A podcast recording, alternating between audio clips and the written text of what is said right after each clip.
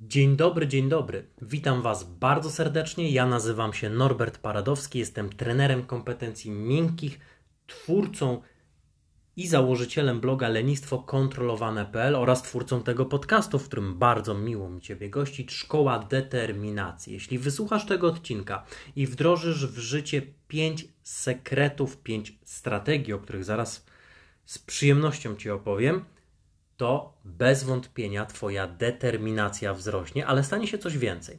Wzrośnie także Twoja skuteczność. Niezależnie od tego, jakiego rodzaju cel, postanowienie, czy też jak ja lubię to nazywać, projekt sobie wybierzesz, to może być coś z zakresu Twoich finansów, z zakresu kariery zawodowej, postanowień prywatnych, postanowień związanych z rodziną, postanowień związanych ze zdrowiem albo rozwojem osobistym i zapewniam Cię, że niezależnie od tego, co wybierzesz, to jeżeli tylko zaaplikujesz to, o czym będzie dzisiejszy odcinek, do systematycznej realizacji tego projektu, to bez wątpienia zrobisz to lepiej, prawdopodobnie szybciej, a na pewno skuteczniej.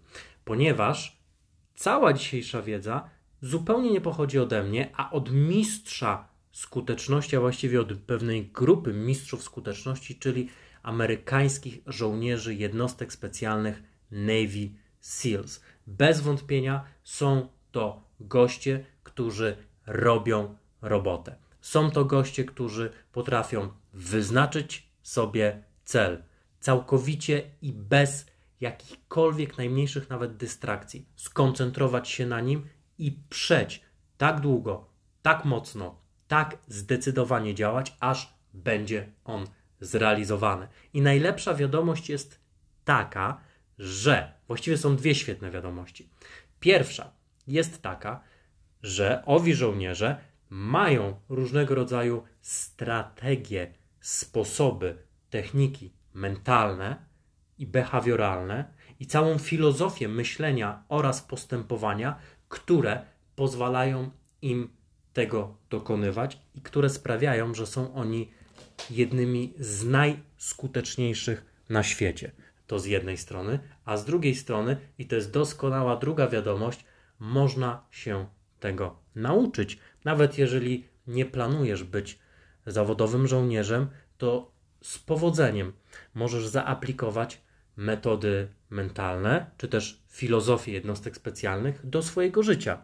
Wielokrotnie wspominam o tym, że mnóstwo tych technik, tych metod, których używają czy Navy SEALs, czy też na przykład SAS, czy też amerykańscy Marines. To są metody, które uratowały mnóstwo moich treningów, które sprawiły, że nie porzuciłem wielu projektów, które pozwoliły mi bardzo wiele różnych pomysłów, celów i zadań najzwyczajniej w świecie doprowadzić do końca. Stworzyłem nawet narzędziownik 25 metod na pokonanie lenistwa i zapewniam Cię, że mnóstwo rzeczy, które tam się znajduje, to są właśnie metody wzięte od jednostek specjalnych. Dlaczego? Dlatego, że ci goście są absolutnymi mistrzami w prostocie i skuteczności działania. Dlatego warto się od nich uczyć i dzisiaj przerobimy pięć sekretów, które będziesz mógł zaaplikować do absolutnie każdej dowolnie wybranej dziedziny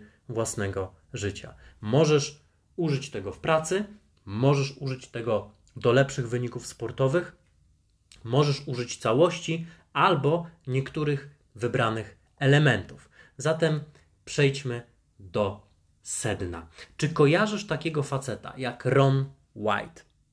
Ok, prawdopodobnie w ogóle go nie kojarzysz, ale posłuchaj o nim przez chwilę. Jest to gość, który postawił sobie ambitny cel. Dwukrotnie wygrał Mistrzostwa USA w zapamiętywaniu, a przy okazji pobił krajowy rekord. Bez wątpienia jest to wyczyn, ponieważ w tego typu zawodach biorą udział tysiące osób. W tego typu zawodach jest bardzo duża konkurencja i ludzie, którzy wygrywają zawody w zapamiętywaniu, w owym zapamiętywaniu są naprawdę na mistrzowskim poziomie. Takie zawody, nawet jeżeli wzięlibyśmy tylko kwestię kwalifikacji do mistrzostw, a nie wygrania ich i pobicia krajowego rekordu wymagają ogromnej ilości przygotowań, ogromnej ilości skupienia, ogromnej ilości samodyscypliny i ogromnej ilości wiary w siebie. Jeszcze ciekawsza od tego zwycięstwa jest droga, która owego Rona White'a doprowadziła do sukcesu. I dzisiaj tę drogę omówimy. Omówimy też, jakie elementy sprawiły, że był on tak bardzo skuteczny. Dlatego, że całe przygotowania odbyły się nie według planu pana Rona White'a, tylko według treningu zaprojektowanego przez byłego żołnierza amerykańskich jednostek specjalnych Navy SEALs pana T.C. Cummingsa. I teraz może Ci się nasuwać pytanie, które prawdopodobnie nasuwa się wielu osobom. Dlaczego Navy SEALs i zapamiętywanie, o co chodzi? Chodzi o to, że SEALsi, tak jak wspomniałem wcześniej, są rewelacyjni w dyscyplinie, pewności siebie w kontekście pewności co do własnej kompetencji, są rewelacyjni w skupieniu na celu. I teraz wyobraź sobie, że możesz wziąć te trzy jakości: dyscyplinę, pewność co do własnej kompetencji oraz umiejętność skupienia na celu.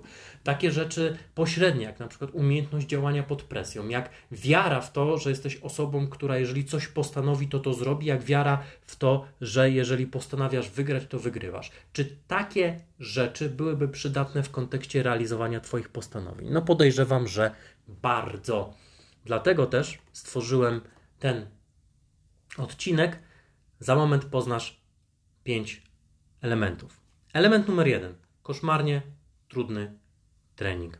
Filozofia Silsów jest następująca. Im więcej potu wylejesz na treningu, im bardziej ten trening będzie trudny, skomplikowany, wymagający, nieprzewidywalny, przesrany, tym mniej krwi wylejesz na polu walki. Jak trenują Silsi? Najpierw przechodzą super ciężką selekcję. Ta selekcja jest tak trudna, że odpada około 80% kandydatów, czasami odpada około 90% kandydatów.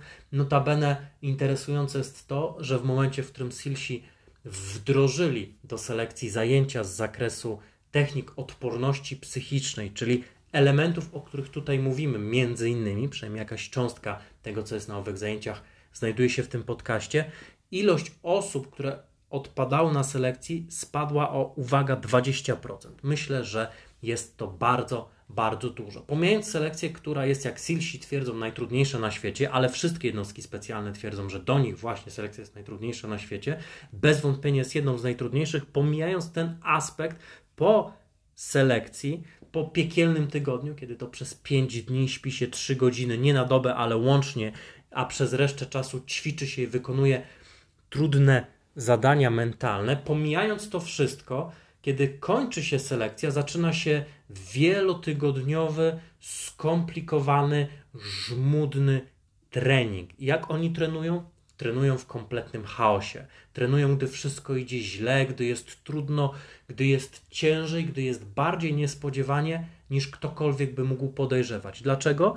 Dlatego, że im więcej potu wylewa się na treningu, tym mniej krwi wylewa się na polu walki.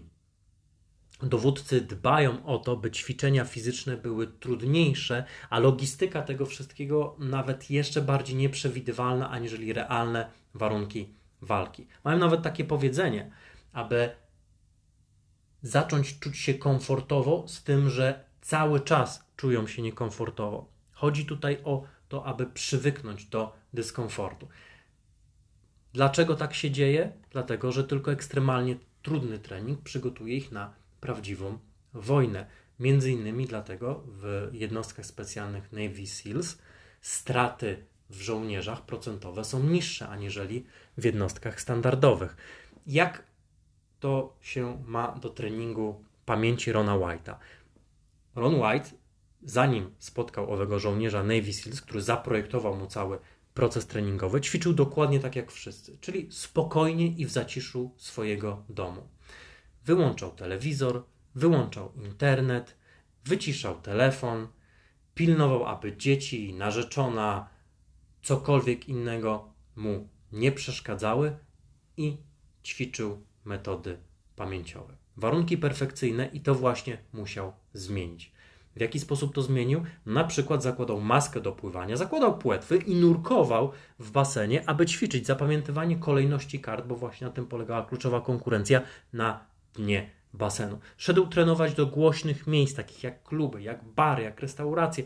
Siadał przy stoliku i pośród tych wszystkich świateł, dźwięków, głosów rozmów, całego harmidru ćwiczył zapamiętywanie kolejności kart. Ćwiczył zarówno w komfortowych warunkach w domu, jak i trudnych, niesprzyjających okolicznościach, ponieważ wyszedł z założenia, że jeżeli tylko nauczy swój mózg super skupienia i zapamiętywania w takich miejscach, jak właśnie dno, dno basenu, czy też klub, to bez wątpienia poradzi sobie na zawodach.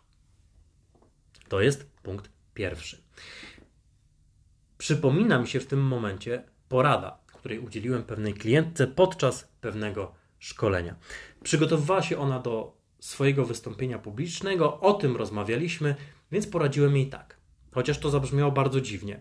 Jak tylko opanujesz materiał, zacznij utrudniać sobie trening. Załóż ciężki plecak, włącz muzykę, której nie lubisz, a najlepiej dwa rodzaje, niech będzie kakofonicznie i ćwicz występowanie.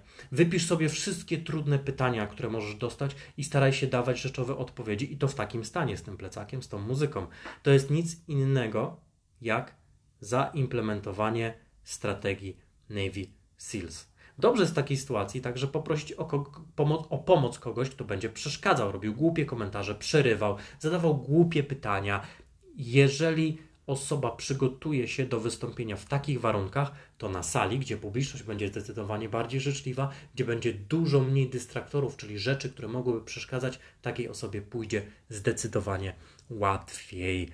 A ludzie przygotowujący się do swoich wystąpień często ćwiczą zupełnie na odwrót, w perfekcyjnie komfortowych warunkach. Dlatego, kiedy już są na sali, na której mają owe wystąpienie zrobić, to czują się nie najlepiej dlatego że warunki, w których się przygotowywali, byli, były za bardzo sprzyjające.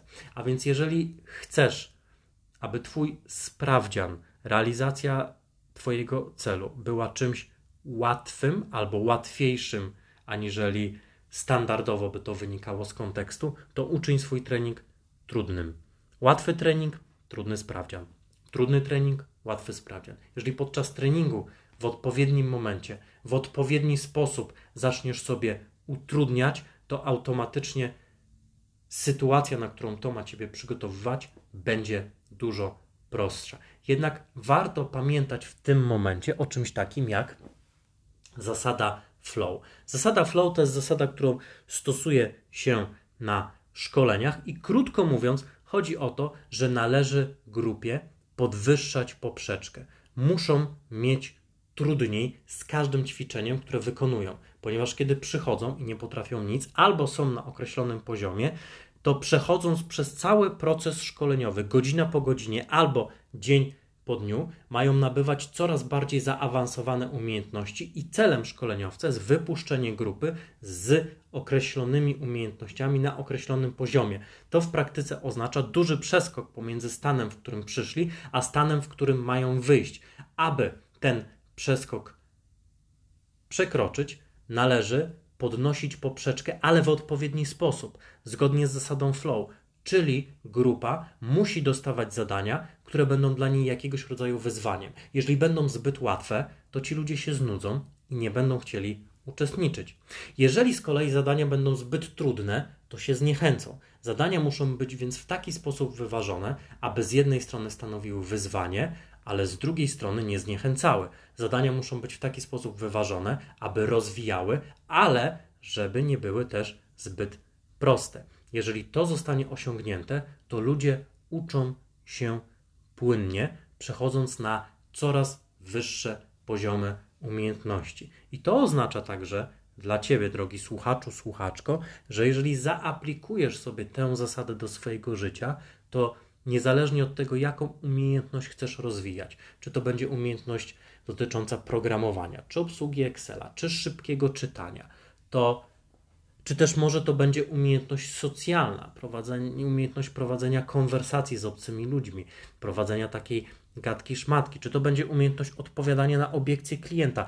Mówimy o wszelkich możliwych umiejętnościach, to jeżeli zastosujesz zasadę flow, Twój rozwój będzie bardziej płynny i będzie bardziej fascynujący. Co mi przypomina, że w którymś z mailingów pisałem o tym, iż jednym z najsilniejszych motywatorów jest nic innego jak poczucie progresu. A to oznacza w kontekście zasady flow, że jeżeli jest ona dobrze zaaplikowana, to masz poczucie progresu, ponieważ z każdym trochę trudniejszym zadaniem realizujesz jakiegoś rodzaju wyzwanie, więc odczuwasz dumę, a duma ciebie napędza. Z drugiej strony już wiesz, że jesteś kawałek dalej, a to daje ci poczucie progresu, które jeszcze bardziej cię napędza. Dlatego warto w kontekście trudniejszego treningu i wylewania większej ilości potu na treningu zastosować zasadę flow. Nie należy jednak tego robić na wariata, ponieważ to jest najprostsza droga do tego, żeby zbudować silne, mocne zniechęcenie zamiast determinacji. To jest tak, jakbyś poszedł na siłowni i stwierdził: OK, teraz muszę wylać z siebie hektolitry potu. Jeżeli weźmiesz zbyt duży ciężar, to ten ciężar ciebie przytłoczy, skontuzjuje, zrobi ci krzywdę, czasami nawet bardzo poważną. Jeżeli weźmiesz ciężar zbyt słaby, to ów ciężar nie do końca będzie rozwijający. Dlatego trening musi być trudny w miarę możliwości rozsądku, trudniejszy niż realne wydarzenie, ale nie od razu. Musi być zastosowana zasada flow. To już nie jest kwestia tego, co powiedział pan Ron White i co radził mu e, jego trener Navy Seals, to są rzeczy, które sam dodaje do tego materiału po to, aby uczynić go bardziej kompletnym. Sekret numer dwa.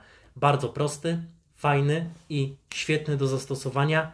Kosmiczne poczucie sprawczości, czyli pewność co do własnej kompetencji. Sprawczość to jest nic innego jak subiektywne przekonanie, że to, co robisz, uda ci się, że zrobisz to, co robisz, że osiągniesz efekt, który zamierzyłeś. Im wyższe masz poczucie sprawczości, tym chętniej zabierzesz się za dane zadanie. Analogicznie, jeśli Twój poziom sprawczości nie jest dostatecznie wysoki, to możesz zadanie odkładać na później.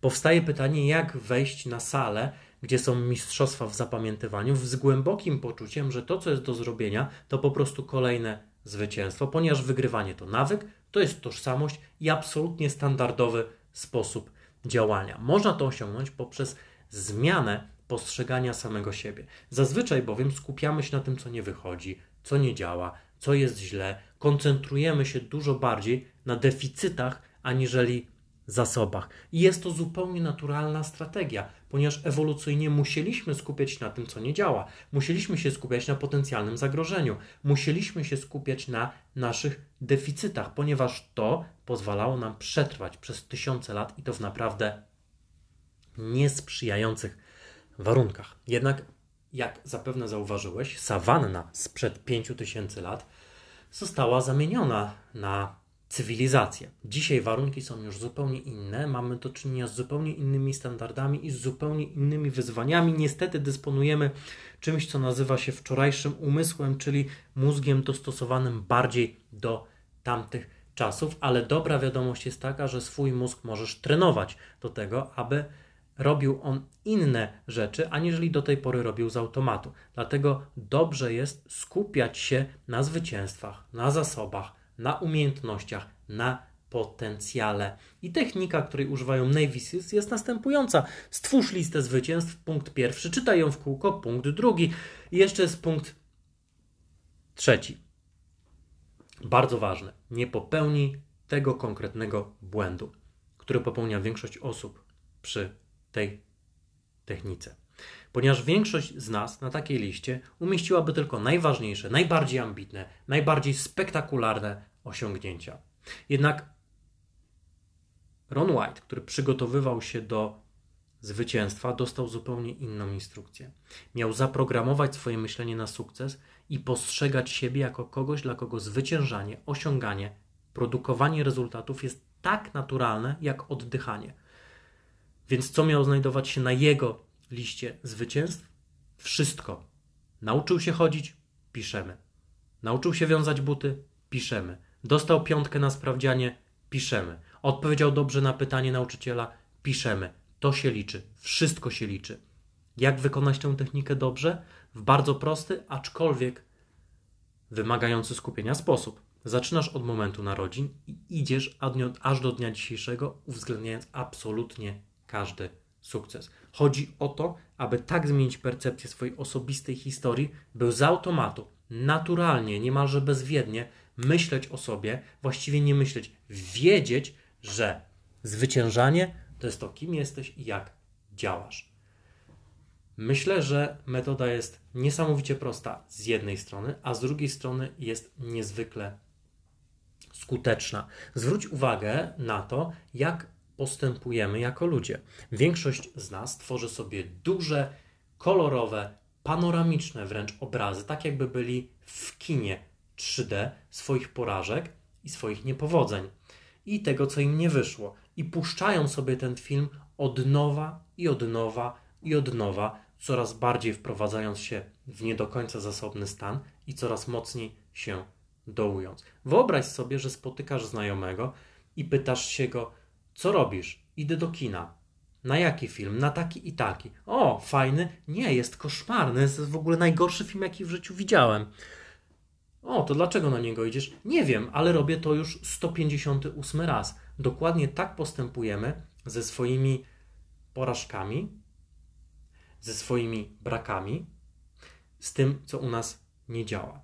I jednocześnie bardzo mało osób wpada na ideę pod tytułem stworzyć sobie dokładnie to samo. Duży panoramiczny film, tak jakbym był w kinie na seansie 3D, kolorowy, przesycony kolorami, przesycony wspaniałymi dźwiękami. Film na temat moich największych sukcesów. Film na temat moich średnich i mniejszych sukcesów i oglądać to w kółko i w kółko. Takie rzeczy bez wątpienia pozwalają wejść w bardziej zasobny stan i zmienić postrzeganie samego siebie. I teraz uwaga, ja absolutnie, ale to absolutnie, ale to absolutnie nie mówię o tym, że nie należy wyciągać wniosków z porażek, że nie należy wyciągać nauki z porażek, że nie należy rzutować na przyszłość nowych, lepszych strategii działania. Kompletnie nie o tym mówię. Jeżeli na przykład ćwiczysz sobie small talk i robisz to przy okazji jazdy windą, rozmawiając z sąsiadem. I wychodzisz z tej windy i stwierdzasz, że kurczę, tutaj fajnie zagaiłem, fajnie rozwinąłem rozmowę, przyjemnie nam się rozmawiało, ale w tym momencie nie wiedziałem, co powiedzieć i rozmowa utknęła w martwym punkcie. Następnym razem zadam pytanie otwarte i zapytam się tej osoby o to albo o tamto, i być może rozmowa potoczy się w dobrym kierunku robisz sobie takie podsumowanie i rzutujesz w przyszłość, wyobrażając sobie, jak następnym razem zrobisz to dobrze. To jest wyciąganie feedbacku z codziennych sytuacji. Jeżeli będziesz to robił dostatecznie często, albo jeżeli ja będę robił to dostatecznie często, to zbudujemy nawyk wyciągania feedbacku. I to jest nic innego jak rzutowanie w przyszłość, czyli zastanawianie się, jak następnym razem zrobię coś lepiej. Na przykład wychodzisz z rozmowy z klientem, zastanawiasz się, ok, co było koszmarnie do niczego. No to i to było koszmarnie do niczego. Co zrobię następnym razem rozmawiając z tym klientem albo z takim typem klienta?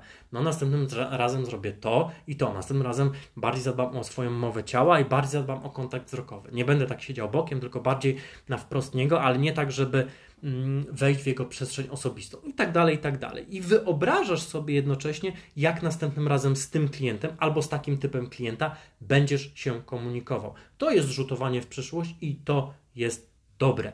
To jest wyciąganie wniosków z tego, co nie do końca wyszło, i to jest dobre. Co jest złe? Złe jest zadręczanie się swoimi porażkami. Więc dobrze, jeżeli masz listę sukcesów, jeżeli oglądasz je po to, żeby przypominać sobie, że to są rzeczy, które zrobiłeś, bo masz zasoby. Fantastycznym uzupełnieniem tej techniki na nieco bardziej zaawansowanym poziomie. Można by o tym kolejny odcinek albo nawet kilka podcastów nagrać, więc nie będziemy się aż tak mocno w to wgłębiać.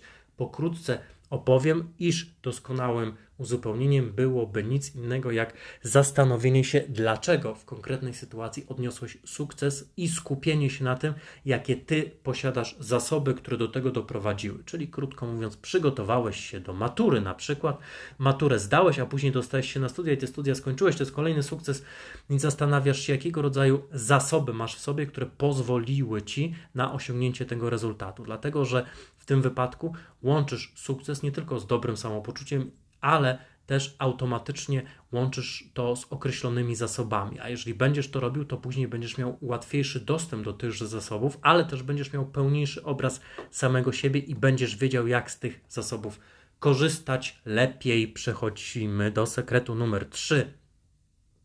Sekret numer 3: bycie maszyną do realizowania celów. Ron White miał na każdy dzień przygotowań 10 małych celów do zrealizowania. I to były cele naprawdę niewielkie, między innymi takie jak wstać o określonej godzinie, albo zapamiętać talię kart 25 razy dziennie, pościelić łóżko i wydaje się to takie banalne, trywialne, ale zwróć uwagę, że jeżeli odhaczysz 10 małych celów per dzień, to po tygodniu, w zależności od tego, czy pracujesz 5, 6, 7 dni w tygodniu nad swoimi celami, masz ich 50, 70. To znaczy, że w ciągu miesiąca robisz 200, 300 zwycięstw, w ciągu roku 2400, 3600 i zastanów się teraz, jak coś takiego zmieniłoby Twoją psychikę, jak to zmieniłoby Twoje poczucie wartości, sprawczości oraz przekonania na temat tego, jaki jest Twój poziom dyscypliny, determinacji czy wytrwałości.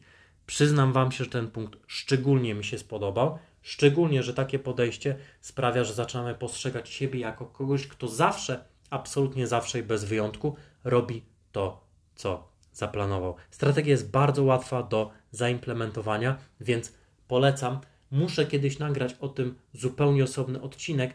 Andy Frisella, amerykański multimilioner, przedsiębiorca, w kontekście swojego planowania dnia ma coś takiego jak Power List. Power List ogromnym skrócie polega na tym, że Andy zapisuje pięć krytycznych zadań na każdy dzień. Jeżeli zrealizuje wszystkie pięć, to wygrywa dzień. Jeżeli nie zrealizuje, dzień jest przegrany. Określona ilość wygranych dni, 5 dni w tygodniu, wygrany tydzień, 4 tygodnie wygrane, wygrany miesiąc i tak dalej.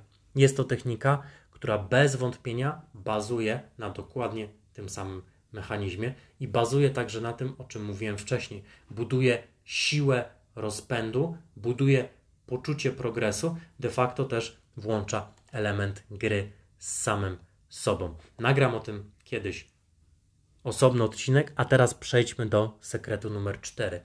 Navy Seals zawsze stawiają czoła konsekwencjom. Nie chodzi o karę, chodzi o konsekwencje.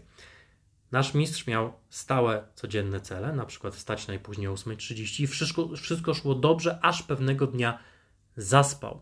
Wydawałoby się, że to jest niewielka sprawa, jednak gdzieś tam świdrowała mu z tyłu głowy i to drobne spóźnienie sprawiało, że nie zrealizował swojego celu, nie zrealizował dziennej liczby celów. Niby nic, ale z tyłu głowy to cały czas było.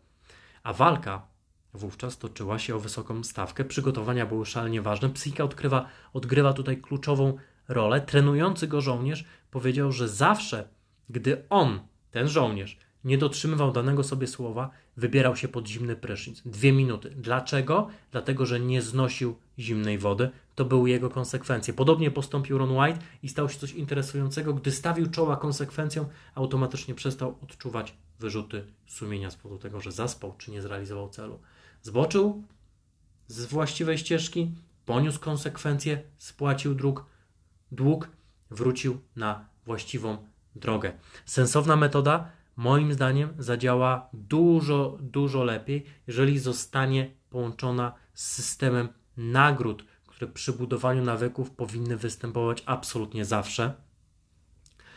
I bez wyjątku Ok, z drobnymi wyjątkami, jeżeli chodzi o bardziej zaawansowane systemy budowania i wzmacniania nawyków. O tym piszę więcej w 25 metodach na pokonanie lenistwa. Zapraszam na bloga, aż trzy metody z całego tego narzędziownika są poświęcone właśnie budowaniu nawyków, czyli takiego automatycznego pilota działania. Natomiast zwykle powtarzam, że to, co jest nagrodzone, ma dużo większą szansę, aby być powtórzone.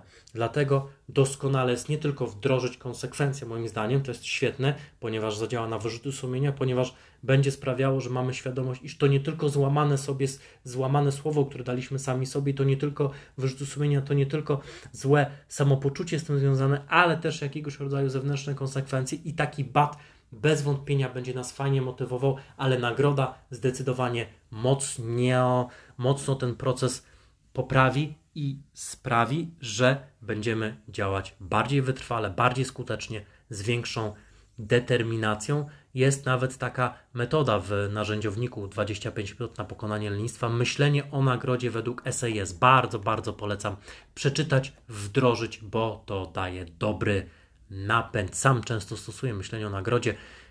I przejdźmy do sekretu piątego, ostatniego, który brzmi determinacja. I oczywiście, jeżeli słuchacie mnie od jakiegoś czasu, to wiecie, że absolutnie musiało być o determinacji, czyli krótko mówiąc, o umiejętności działania, niezależnie od tego, czy nam się chce, czy nam się nie chce, czy jesteśmy w nastroju, czy też nie jesteśmy w nastroju. Navy Sealsi trenują absolutnie zawsze. Mistrz pamięci ćwiczył i realizował swoje cele, nawet gdy był chory de facto odbył rozmowę ze swoim trenerem, żołnierzem Navy Seals i zapytał się: Hej, co mam zrobić? Jestem chory. On odpowiedział mu pytaniem na pytanie: A czy jak będziesz chory w dniu zawodów, to także zrobisz sobie wolne? No nie, wtedy nie zrobię sobie wolnego. A więc dzisiaj także musisz trenować. Osobiście uważałbym z tak mocnym i ekstremalnym podejściem. Wiadomo, że warto utrzymywać determinację w gorsze dni, jednak naprawdę nie zawsze na 100%, bo to czasami jest bardzo szybka droga do tego, żeby się wypalić. Sam czasem działam w cudzysłowie symbolicznie, czyli tylko po to, aby podtrzymać nawyk, ponieważ uważam, że podtrzymanie nawyku jest dużo ważniejsze niż działanie na 100%. Jeżeli zawsze działamy na 100%, to istnieje duże prawdopodobieństwo wypalenia. Jeżeli zawsze podtrzymujemy nawyk, to utrzymamy regularność, a regularność po jakimś czasie będzie dbała o nasze efekty. Więc osobiście bym z tym uważał, jednak jeżeli chodzi o przygotowywanie się do trudnych wydarzeń, to czasami trzeba naprawdę mocno sobie podkręcić śrubę. Oczywiście zgodnie z zasadą flow. Element determinacji, moim zdaniem, w połączeniu z metodą pierwszą, czyli ćwiczeniem w różnorodnych i trudnych warunkach, przygotował przyszłego mistrza na dzień próby, ponieważ potem, jak się okazało, był bardzo zestresowany ów gość, spał tylko 45 minut, wyszedł w trudnym stanie mentalno-emocjonalnym, rozemocjonowany i wygrał.